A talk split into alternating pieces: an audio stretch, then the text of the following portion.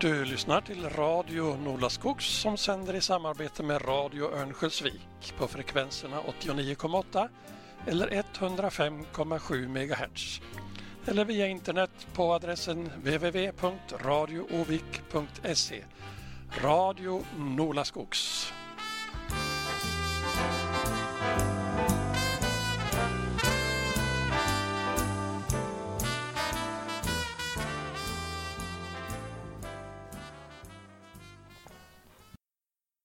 Välkomna till radion Ola Skogs med Vårdpratarna. Idag får vi lyssna till universitetslektor Elisabeth Lindahl från institutionen för omvårdnad Umeå universitet. Jag heter Elly Gunnarsson. Tack för att jag får vara här. Ehm, jag arbetar i Umeå men jag har vuxit upp i Övik ehm, så jag känner mig som Öviksflicka. Jag arbetar med sjuksköterskeutbildning vid Umeå universitet och det innebär ju att jag ibland också är i Övik. Vi har ju sjuksköterskestudenter även här. Eh, sen jobbar jag med forskning och omvårdnadsforskning är ju inte en gammal disciplin men den är nog så viktig. Studenterna som läser till sjuksköterska idag de får både en yrkesexamen som sjuksköterskor men också en kandidatexamen i omvårdnad. Eh, och det är viktigt för det är mycket som utvecklas eh, väldigt snabbt. Det är stora krav i vården och har man legitimation ska man arbeta utifrån vetenskap och beprövad erfarenhet. Så man behöver verktygen för att hålla sig uppdaterad. Dagens prat har sin utgångspunkt i min barndom. I händelser som nog präglat både mitt yrkesval och mig som person. Solen sken, snön gnistrade och Borgahällans vita mössa var så vacker mot den blå himlen. Man såg den från Farstubron. Åtminstone minns jag det så. Jag var sju år och vi tillbringade påsken hos min mormor uppe i Tåsjö. Vi var ofta där på sommaren, varje sommar så länge mormor hade djur i lagorn. Pappa och mamma hjälpte till med slotten under pappas semester. Så här till påsk var det nästan som att vara i fjällen. Vi åkte skidor och om det var skare kunde vi göra tåg med sparkarna och köra ner för läggdan. Det var härligt. Den här påsken skulle bli annorlunda för jag blev sjuk. Jag minns att jag låg i kökssoffan och att mamma var orolig. Under årens lopp har mina minnen förändrats. Det är ju så med minnen. Man hör andra berätta om vad som hänt och då vaknar en del minnen och en del minnesbilder förändras. Till slut är allt så integrerat att det inte går att skilja på det man hört och det man minns. Vi åkte till provinsialläkaren i Hoting. Jag var svullen på halsen, hade som en knöl, stor som en apelsin. Mamma klädde sig fin, det gjorde man när man skulle till doktorn. Jag minns inte så mycket av vare sig resan eller läkarbesöket. Jag var säkert åksjuk. Det blev jag alltid när vi åkte bil. Men jag minns den stränga doktorn och jag minns sprutan. Doktorn hade kommit från Baltikum. De vuxna pratade om det. Jag fick lägga mig på mage på den hårda, kalla britsen och doktorn sa åt mig att ligga stilla och vara tyst. Han hördes så sträng. Mamma sa nog inte så mycket. Hon som föddes för drygt 90 år sedan hade en respekt för doktorn som gjorde att hon nog aldrig kunde tänka tanken att ifrågasätta något som doktorn sa eller gjorde. Jag minns att jag låg stilla och jag var tyst men jag kan fortfarande känna hur det kändes. Han satte penicillinsprutan i min högra skinka och det var många milliliter att trycka in i en sjuåring. Och inte blev jag frisk heller. Vi ska lyssna till Lapp-Lisa som sjunger i en sal på barnsjukhuset.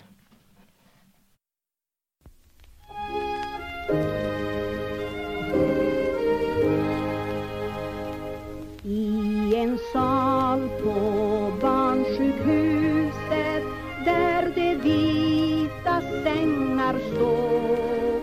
Låg en liten bröstsjuk flicka sjuk och svag med lockigt hår Allas hjärtan band den lilla där hon låg som mild och god var sin sjukdom utan klagan som ett barn med tålamod.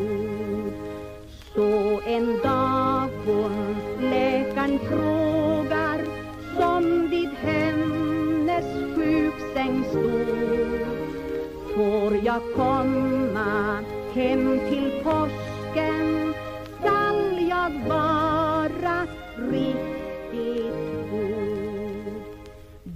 Doktorn svarar då den lilla Nej mitt barn, det får du ej. Men kan hända framåt pingsten Du får komma hem igen. Pingsten kom med gröna löven blomsterkläder mark och äng. Men den lilla sjuka flickan ligger ständigt i sin säng. Så en dag hon doktorn frågar som vid hennes dödsbädd stod Får jag komma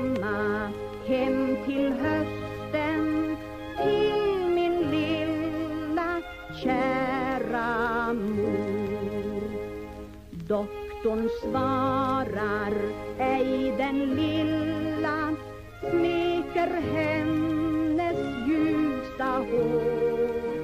Men med tårar i sitt öga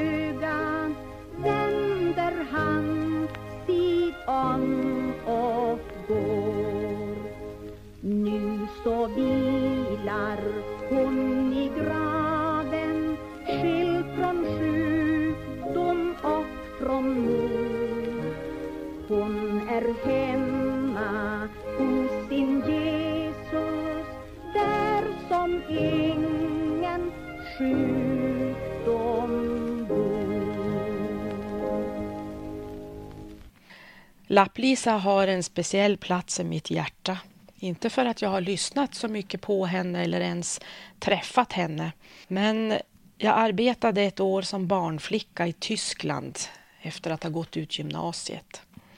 Eh, och i den familjen som hade det väldigt gott ställt och hade barnflicka varje år så hade min företrädare glömt en vinylskiva med Lapp-Lisa. På ena sidan var det Barnatro och på andra sidan var det Hälsa dem där hemma. Och det hände att när jag hade otrolig hemlängtan att jag smög upp mitt i natten och så spelade jag Lapp-Lisa Hälsa dem där hemma och grät floder. Och sen kändes det bättre och så kunde jag fortsätta mitt arbete. Jag tror att vi åkte hem från Tårse till Övik den där påsken tidigare än vad som var tänkt, men jag vet inte riktigt. Det jag vet är att det som nu väntade skulle följa mig hela livet. Det är ingen ordning på minnena. Det är som en kartong med foton som vält ut på golvet och jag plockar upp dem ett och ett i en enda röra. Vi var på en mottagning på lasarettet och träffade en doktor. Jag har förstått att han hette doktor Hesselman. Min minnesbild är att han var en lång man i vit rock med uppvikt krage. Men jag kan ha fel. Han var nog lite sträng. Åtminstone förstod jag att mamma hade stor respekt för honom. Hon berättade för mig långt senare att han gick runt på barnavdelningen under besökstid för att se att mammorna uppförde sig när de hälsade på sina barn. Om det var så eller om mamma bara kände det så, det får jag aldrig veta. Ja, jag blev inlagd på barnavdelningen på lasarettet här i Övik. Hur jag hamnade där och allt som hände just då minns jag inte. Men jag minns en sak. Jag minns att jag står mitt i den stora korridoren. En tant i blå klänning och vitt förkläde håller mig mycket hårt i handen. Jag hade inte kunnat släppa hennes hand, även om jag hade velat. Längst ner i korridoren, långt bort från där jag står, är det dubbeldörrar med frostat glas, skodda med metall, från glasrutan och ända ner.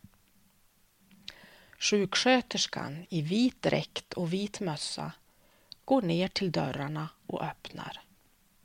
Pappa står där. Han har kommit efter arbetsdagens slut för att lämna tofflor och necessär som jag ska ha. Han kommer inte in, står där i dörren och vinkar till mig. Sedan tar sjuksköterskan mina saker och stänger dörren om pappa. Jag är helt ensam bland främmande och konstigt klädda människor. Sex veckor låg jag på sjukhus. Opererades två gånger. Vad jag förstått hade jag någon slags infektion. Svullnaden på halsen var full med var, en abscess, och den tömdes medan jag var sövd. Mamma kom på besök när det var besökstid. Att föräldrar skulle kunna bo med sina barn på sjukhuset var inte uppfunnet än. Under helgen brukade pappa stå nere på trottoaren med lillebror när mamma besökte mig. Vi vinkade till varandra genom fönstret. Lillebror fick naturligtvis inte hälsa på. Han var för liten. Jag minns inte att pappa hälsade på mig heller.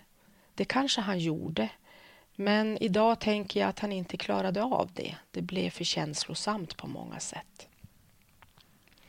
Veckorna på barnavdelningen var både skrämmande och roliga. Det hände att vi lekte efter sängdags. Då satte vi en målarbok i gluggen som fanns i väggen mot korridoren där personalen kunde kika på oss. De såg det och visste vad vi gjorde och några lät oss hållas. De kunde förstå. Andra kom in och var stränga. Var tyst, ligg ner i sängen. Blodproverna, sprutorna, de stora glassprutorna, eternarkosen och hur jag kräktes och såg fiskar i sängen efteråt var skrämmande. Jag befann mig i en främmande värld utan mamma och pappa och jag var rädd för allt som skulle göras med mig. Mamma berättade senare att hon gick hem och grät i sin ensamhet efter att ha hört sköterskan berätta om hur svårt det var när något skulle göras med mig. Hur det fick hålla mig när det skulle tas blodprov till exempel. Stickrädslan minns jag och jag bär den fortfarande med mig. Vi ska lyssna till Ska bli sjuksyster, ja, tralala.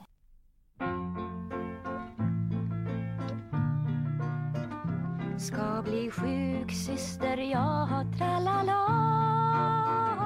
Syster är säkert tjusigt och var Jag ska glittra och le som en strålande fe. Ja, det ska lilla jag, tralala. Tralala,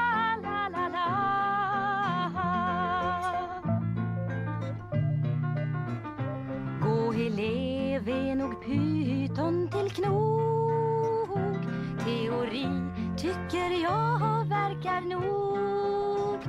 Inte ska en elev tvätta gummornas skrev. Det är biträdets jobb tycker jag. Det är så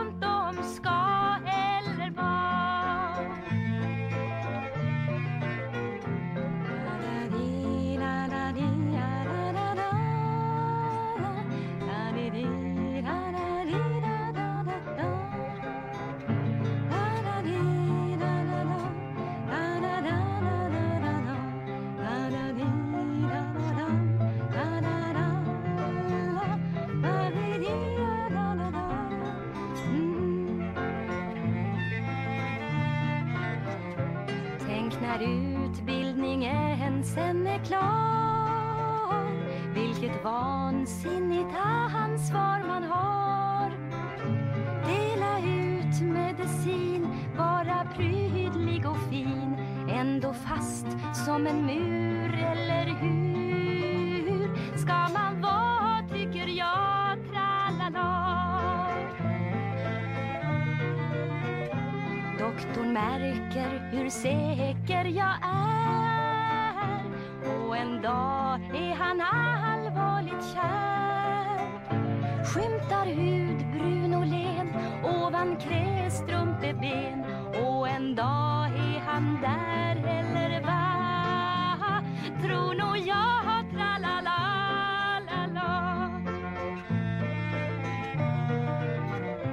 Jag får sluta mitt yrke såklart I vår villa ska vi ha Ett par barn vill jag ha och en barnflicka va Som är stadig och bra ska jag ha. Det blir bra tycker jag, tralala. Kanske gillar jag inte allt fläng. På ett sjukhus blir nog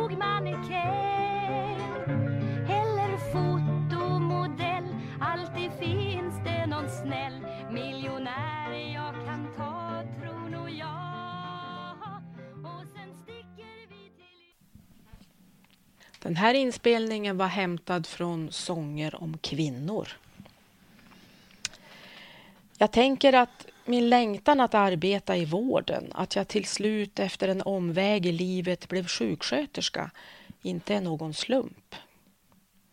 Var det stickrädslan eller tankarna om att kunna göra skillnad? Det kan man ju fundera över. Det var roligt att under utbildningen sjunga Ska bli sjuksyster jag tralala. Vi gjorde det ofta. Men inte har det något med verkligheten att göra vare sig när jag låg på barnavdelningen på Örnsköldsviks lasarett eller idag. Det är märkligt att sådana här bilder har fått sån spridning. Att arbeta som sjuksköterska idag är ansvarsfullt och kräver kompetens. Utvecklingen går rasande snabbt och man måste hålla sig uppdaterad inom sitt kompetensområde. Det är ju därför, bland annat, man har legitimation. Nyfiken har jag alltid varit, sett möjligheter och ibland hinder och blivit frustrerad när jag inte kunnat påverka eller förändra. En sak jag kunnat påverka är mitt förhållningssätt till patienter och närstående. Vi kan faktiskt alla påverka vårt eget förhållningssätt. Men jag har också kunnat skaffa mig den kunskap jag behövt och haft möjlighet att reflektera tillsammans med kollegor. Och jag har varit duktig på att sticka. Idag är intramuskulära injektioner inte så vanliga men under det år jag arbetade kliniskt som sjuksköterska gav jag ett oräkneligt antal sprutor.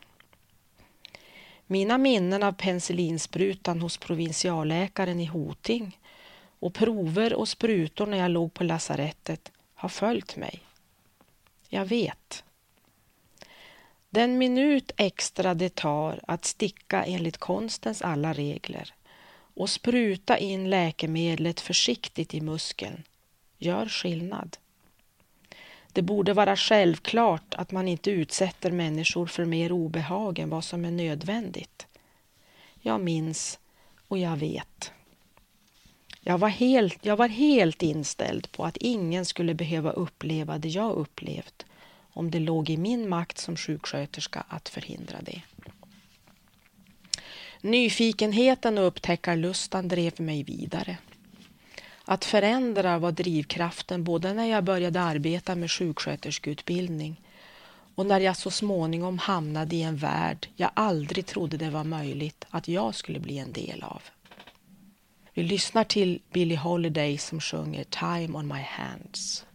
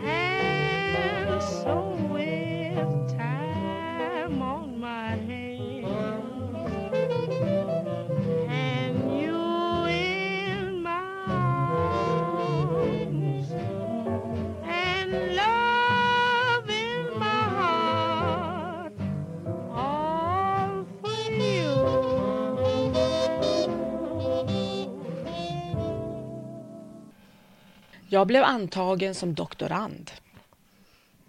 Startpunkten för mitt avhandlingsarbete var ett projekt som fokuserade på omvårdnadens historia i norra Sverige.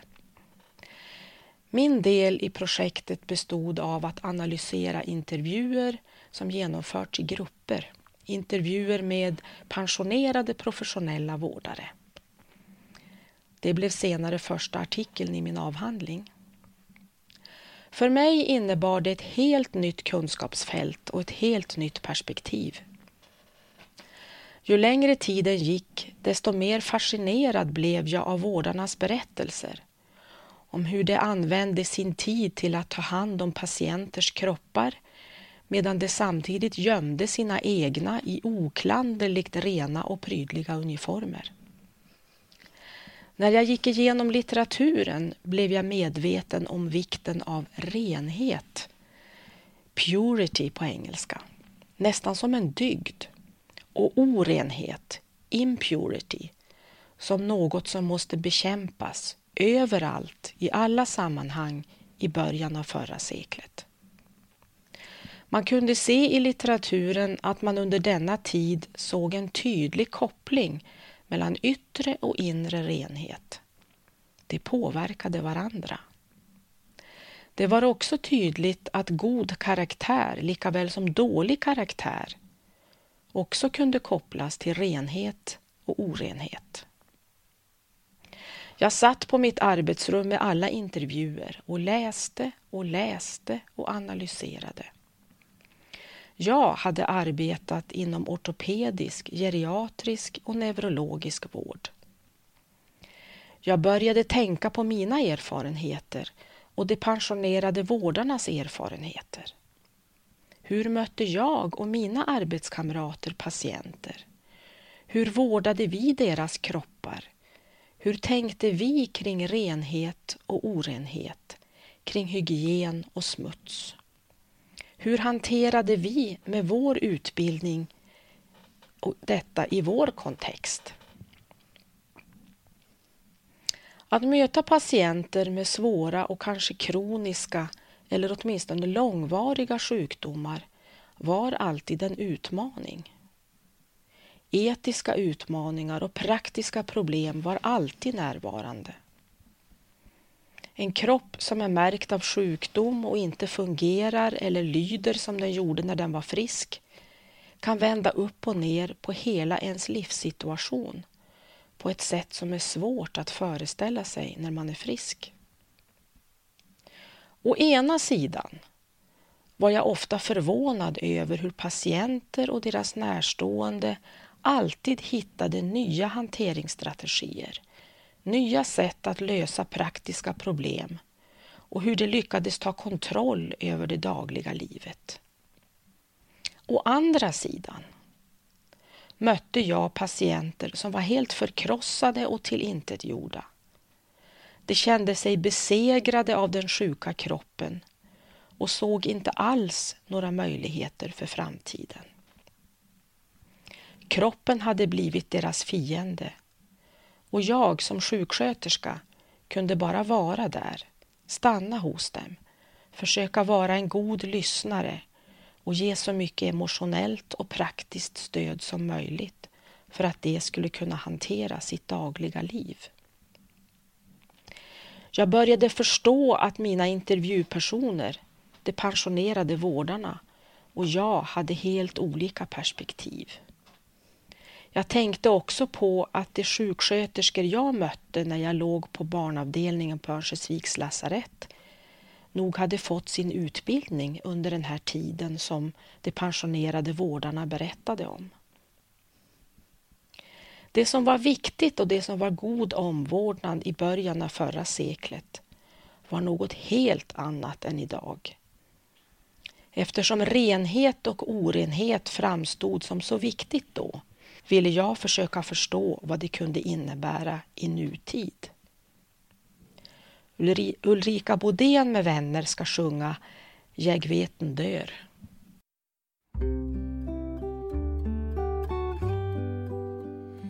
Jag vet en dörr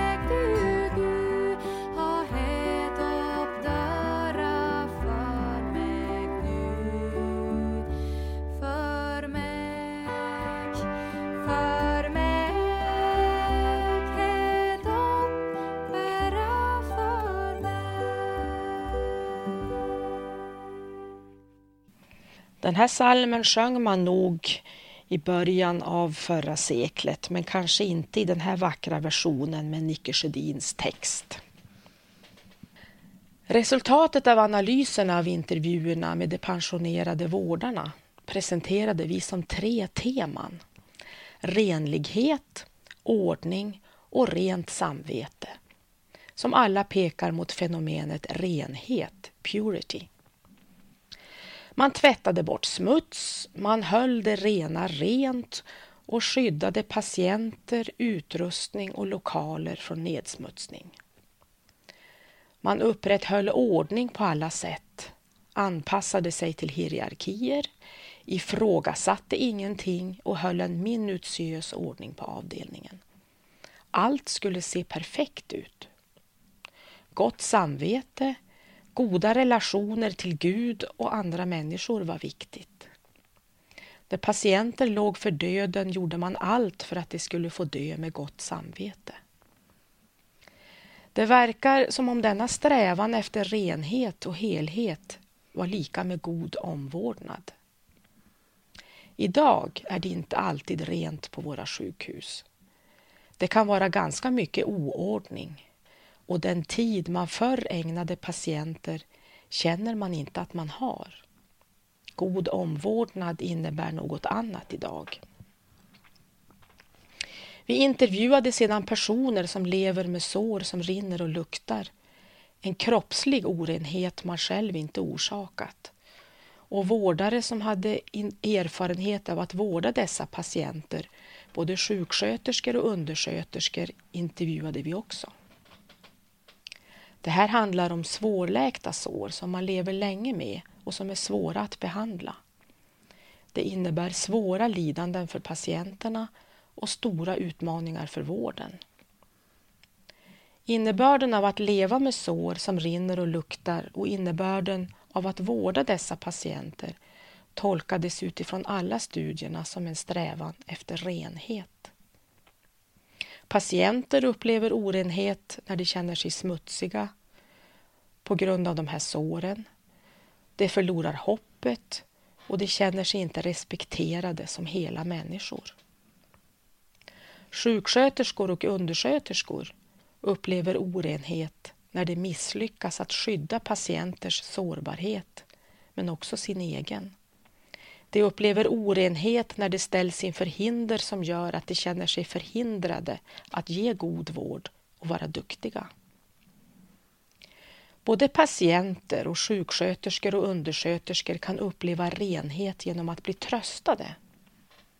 Och då talar vi om tröst i den ursprungliga bemärkelsen. Att man vågar se det svåra, vågar tala om det svåra och vågar stanna kvar nära.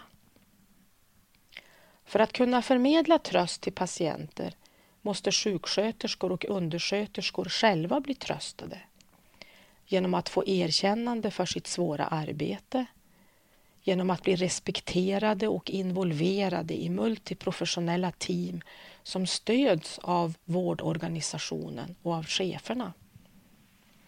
Då först kan patienter bli tröstade, känna sig upprättade och uppleva sig som hela människor trots sina sjuka och om man har svårläkta sår, smutsiga kroppar.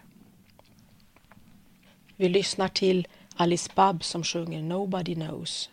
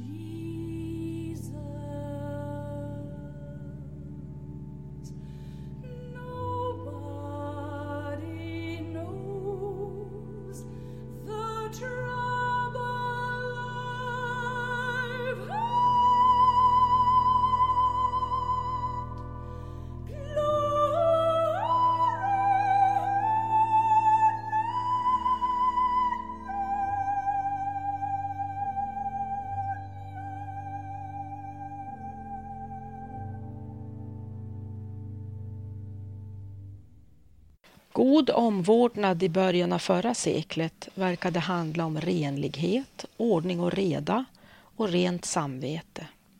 Idag talar vi om relation, interaktion, samverkan med patienter och närstående och patientsäkerhet. Idag är det inte fråga om att veta sin plats, lyda utan att ifrågasätta vare sig man är patient eller sjuksköterska eller att som sjuksköterska ansvara för ett prydligt linneskåp. Och det är väl bra. Men i de pensionerade vårdarnas berättelser finns en omsorg om varje patient som vi borde lära oss av. Det fanns en omsorg om både kropp och själ som vi borde lära oss av. På något sätt värnade man varje persons värdighet genom att hålla alla rena, hålla rent och prydligt i sängen och i omgivningen och se varje person som en fullvärdig människa. Man var dessutom stolt över det. Allt går fort idag och resurserna är begränsade. Chefer på alla nivåer har ett stort ansvar för att stötta sin personal både rent organisatoriskt men också som individer. Sjuksköterskor vill göra gott för patienterna. De vill få känna att de gör ett bra jobb och är duktiga. De måste få förutsättningar för det. Det jag som enskild sjuksköterska kan reflektera över och påverka är mitt eget förhållningssätt i mötet med patienten. Jag behöver också ta mitt professionella ansvar och ha den kunskap som krävs för att värna patientsäkerhet. Då kan vi tala om god omvårdnad. Än är det vinter. Snön kom sent, men veckorna går fort och åtminstone jag längtar till vår och sommar, även om det vita vinterlandskapet är vackert. Ulrika Bodén och Nicke Sjödin får med sin version av I denna ljuva sommartid ge oss en försmak av den ljusa tid vi har framför oss.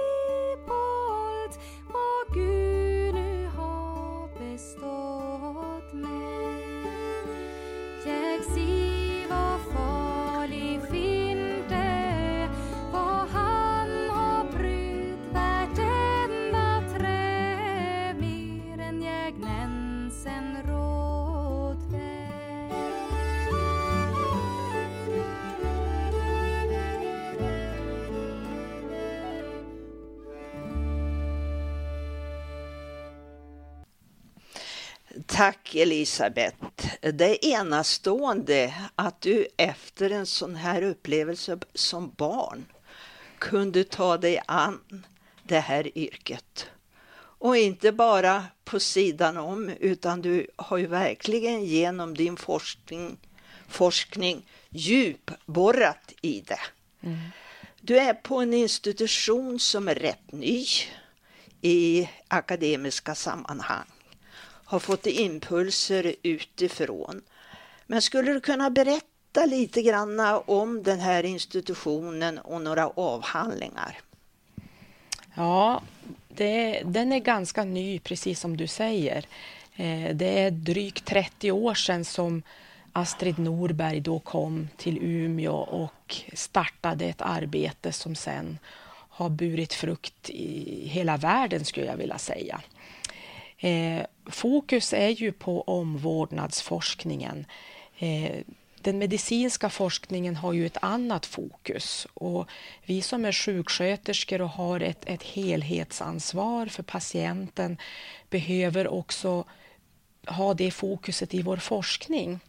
Att se patientens perspektiv, att forska kring hur man kan uppleva det att vara patient, att vara närstående, hur det är att vara eh, till exempel förälder till ett, ett barn som har en svår sjukdom eller att eh, själv drabbas av sjukdom.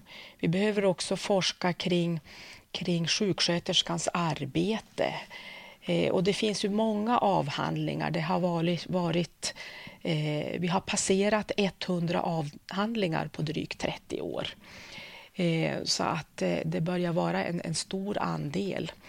Samvetsstress är ett, ett begrepp som har, har forskats fram, höll jag på att säga, vid vår institution där, där Gunilla Strandberg som är professor vid institutionen idag har, har varit med i väldigt mycket av det arbetet. Eva Eriksson Lidman i Skellefteå är en av dem som har forskat kring detta också.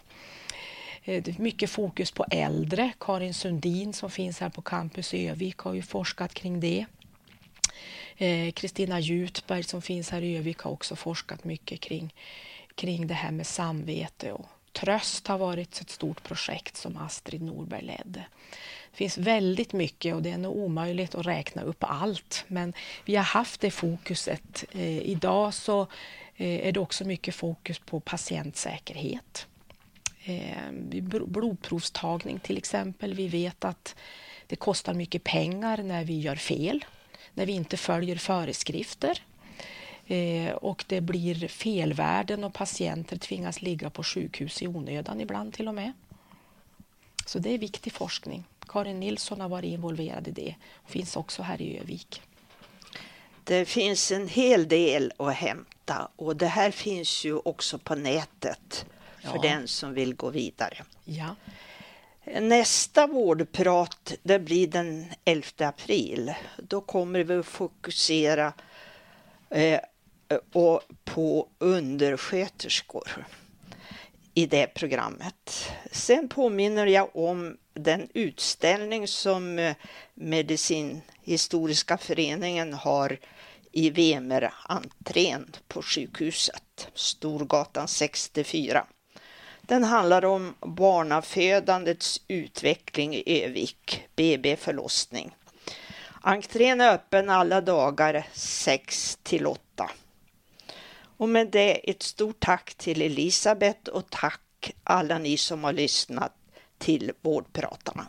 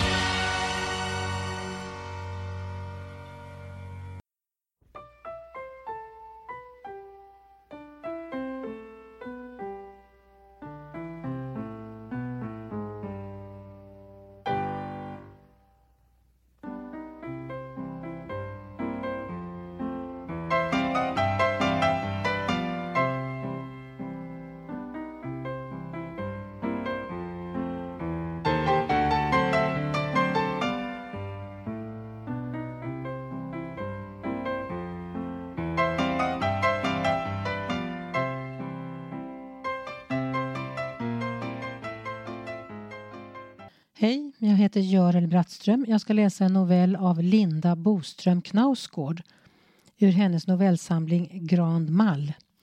Novellen heter I oljerockarnas land. Vi åkte ut till landstället i Paulas pappas Daimler. Han var koleriker och behövde en egen bil. Det där med barn och storhandling fick hans fru sköta. Hennes tålamod var av det lätt bättre slaget och vi var lätta att ha att göra med, i alla fall som barn. Och det var vi fortfarande det här veckoslutet. Långt senare, när vi som tonåringar alltid umgicks i klungor och drällde runt på deras nya landställe i det enorma huset vid sjön med hagarna och stallet med hästarna som döttrarna fått och den nybyggda bastun där vi trängdes och blötte ner och kastade handdukarna i högar i vår framfart mellan bastun och sjön skulle pappan i ett av sina anfall med ansiktet högrött skrika den klassiska repliken Klassisk för att jag alltid skulle minnas den och på sätt och vis också sympatisera med den. Här har man köpt ett helt jävla landställe med hästtransport och allt de ska ha nu för tiden och så får man inte ens ha sina badtofflor i fred. Men just den här fredagen var pappans humör sådant att han ville ha sällskap i bilen och Paula och jag satte oss på lakanet han lagt ut över baksätet. Frun och lilla systern fick åka efter i Volvon. Den ljudlösa motorn och veckans alla möten som nu var avklarade gjorde honom vänligt sinnad. Hela vägen ut låg vi i ytterfilen och lyssnade på jazz. Jag var oftast med. Det hade alla vant sig vid. Fredagskvällarna i huset på den lilla ön, den översvämmade bron som vi vadade över i höga gummistövlar som fanns i boden för just detta ändamål. Mamman som gick vända efter vända med alla matkassar och all packning. Alldeles själv eftersom ingen ville hjälpa henne. Pappan som ropade att det var svinkallt i huset. Måste hon alltid stänga av värmen? Han betalade gärna elräkningarna, vrålade han ut i mörkret. De hade sängvärmare, små tunna filtar med en sladd som man kunde sätta i eluttagen. Det var någonting alldeles särskilt att lägga sig kall i sängen och känna värmen strömma in i kroppen underifrån. Margareta glömde aldrig att dra ur kontakten innan hon gick och la sig. Hon var helt och hållet att lita på. Det var höst och dimgrått ute när vi vaknade nästa morgon. De nakna träden framträdde knivskarpt. Det var ett väder som gjorde mig lycklig och förväntansfull. Paula och jag vaknade tidigt, inte tidigare än Greger som redan var ute, men så tidigt att mamman och lilla systern fortfarande sov. Vi rostade bröd och åt upp en hel limpa med honung och ost. I hallen hängde oljerockarna. På landet gick man i oljerock och fodrade gummistövlar. Man klädde sig enkelt och funktionellt. Jag hade fått mina egna. Margareta hade för vana att också alltid handla till mig när hon var ute på sina rundor. Det var tryggt att leva med så mycket pengar omkring sig. Att gå i mataffär med Margareta och bara plocka ner varorna i kundvagnen utan att någonsin titta på priset. Det var inte som hemma hos oss där pengarna kom och gick helt oförutsägbart. Luften fyllde mig, gjorde mig yr. Gräset låg inkapslat i tunn frost och krasade under fötterna. Det var i början av november och marken skulle vara varit täckt av blöta löv om inte Margareta hade krattat undan, burit högar och eldat hela hösten. Trädallén, där på andra sidan bron, vägen uppför kullen där åkrarna bredde ut sig på varsin sida av vägen, den stelnade grå leran som vi sprang över tills vi stupade. Varje dag gick vi till bondgården. Bonden lät oss hållas eftersom Paulas pappa bidrog med en ansenlig summa pengar varje år. Han ville hålla landskapet öppet och stödja Sörmlands lantbruk. Min barndom var full av sådana intrikata maktförhållanden som jag inte var delaktig i men ändå utnyttjade i min roll som vän. Tobaksaffären på Markus gata på väg till skolan till exempel den kunde vi bara gå in i och ta vad vi ville ha eftersom Marcus pappas bolag lånat ut pengar till mannen som ägde affären. Pengar som han hade stora svårigheter att betala tillbaka. Den mannens plågade ansikte varje gång vi dök upp. Marcus konversation inne i affären. Det orimliga i att denne vuxne man behövde krypa för ett gäng ungar. Vi var nästan framme den väldiga röda ladan lös på toppen av backen. Vi var djurvänner Paula och jag, till skillnad från bonden och bondens söner som var djurplågare och mördare. På vårarna brukade vi gömma kattungarna på höskullen så att bonden inte skulle dränka dem eller slå ihjäl dem mot en sten. Kattmamman jamade efter ungarna som pep men hon hittade dem alltid och vi vaktade på höskullen hela dagarna och brukade dra upp stegen när bondens söner kom. Paula och jag gick tysta. Vi pratade överhuvudtaget inte så mycket med varandra. Vi hade inte kommit dit än. Då varenda händelse måste redas ut och vridas och vändas på i timmar. Då när orden aldrig tog slut för att omfatta allt det vi upplevt under en dag. Vi var på sätt och vis ute efter att trötta ut oss fysiskt. I timmar kunde vi leka hästhoppning på gräsmattan utanför huset. Vi byggde upp hinder och hoppade över. Efter varje omgång höjde vi. Det var otroligt vilka höjder vi kunde ta oss över. Badsäsongen började i april. Då tog vi det första doppet och redan då kunde vi vara i vattnet i timmar. Vi blev aldrig sjuka och jag kunde inte minnas att vi frös. Eller så rodde vi runt sjön. Tysta bredvid varandra vid varsin åra klöv vid vattnet. Det var alltså med kraft och uthållighet vi tog oss för att tvätta ungkalvarna denna förmiddag. Vi fyllde plåthinkar med kokhett vatten och hällde över deras ryggar så att de skrek. Sen gick vi på med rotborstar på de hoptorkade kokorna som satt fast i skinnet. De var nästan omöjliga att få bort. Vi slet och drog med borstarna. Det leriga vattnet bildade pölar och rann utför stengolvet mot brunnen. Varenda djur var vi på. Att vi skollade djuren och att det var därför de skrek var ingenting vi kunde föreställa oss. Vi tänkte att de nog var rädda för vatten, eller så tänkte vi inte alls. När vi var klara med kalvarna gick vi in till grisarna. Galten längst in i hörnet som stod i ett eget bås med utrymme för hela den väldiga kroppen låg på sidan och blottade den gula hörntanden som låg utanför munnen. Det var en enorm gris. Lika stor som en tjur fast inte lika hög. Den var helt osannolik. Vi kastade sten på den för att den skulle resa sig men det gjorde den inte. Grisarna sprang runt i sina bås, trängdes med varandra. De verkade alldeles utom sig. Vi visste var maten fanns och skopade ut foder till alla. De upphetsade skriken. De fick visst aldrig mat de här djuren. Vi tömde fodersäckarna och snart var svinstian fylld av grisarnas tuggande. Vi stängde dörren efter oss och klättrade upp på höskullen ända upp till loftet under taket där vi slängde oss ut för med ryggen först och armarna utfällda flera meter ner i höet. Paula hörde dem först. Peter och Patriks röster. Tillsammans hann vi precis dra upp den tunga stegen så att de inte kunde komma upp. Vi satt i öppningen, dinglade med benen och tittade ner på dem. Peter och Patrik stod där på marken, ursinniga. Vad har ni gjort? skrek Peter. De äter ihjäl sig. Är ni inte kloka? Peter var några år äldre än vi och Patrik något år yngre. Vi tyckte om att retas med dem. Brottningsmatcherna där i höet som vi brukade vinna eftersom vi helt enkelt ville det mer. Bondsöner var inte lika sugna på slagsmål, slagsmål som vi var. De hade annat att göra. Sätt ner stegen, vrålade Patrik. Han var utom sig. Sätt ner stegen! Vad var det vita som skummade där i hans mun? Tuggade han fradga? Jag såg på honom och skummet som stänkte ner på marken. Sätt ner stegen! Ni får inte vara här! Ni får inte vara här! Patrik sprang in i huset som låg nära ladan och kom tillbaka med en pilbåge i handen och några träpilar hade han också. Jag skjuter, sa han och spände bågen. Bågen, jag skjuter, jag gör det, jag skjuter. Pilen träffade Paula i pannan, satt fast där. Hon fick dra ut den. Blodet forsade fram. Hela Paula var blodig.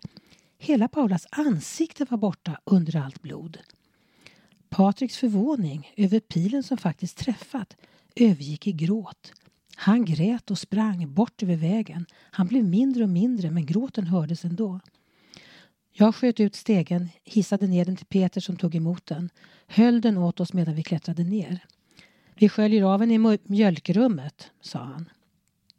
Han tvättade av henne blodet. Det kom hela tiden nytt och Paula var blek som ett papper. Peter blötte en tvättsvamp med kallvatten och tryckte och tryckte mot pannan men svampen blev bara röd av blodet. Håll här, sa Peter och lämnade mig i mjölkrummet med Paula.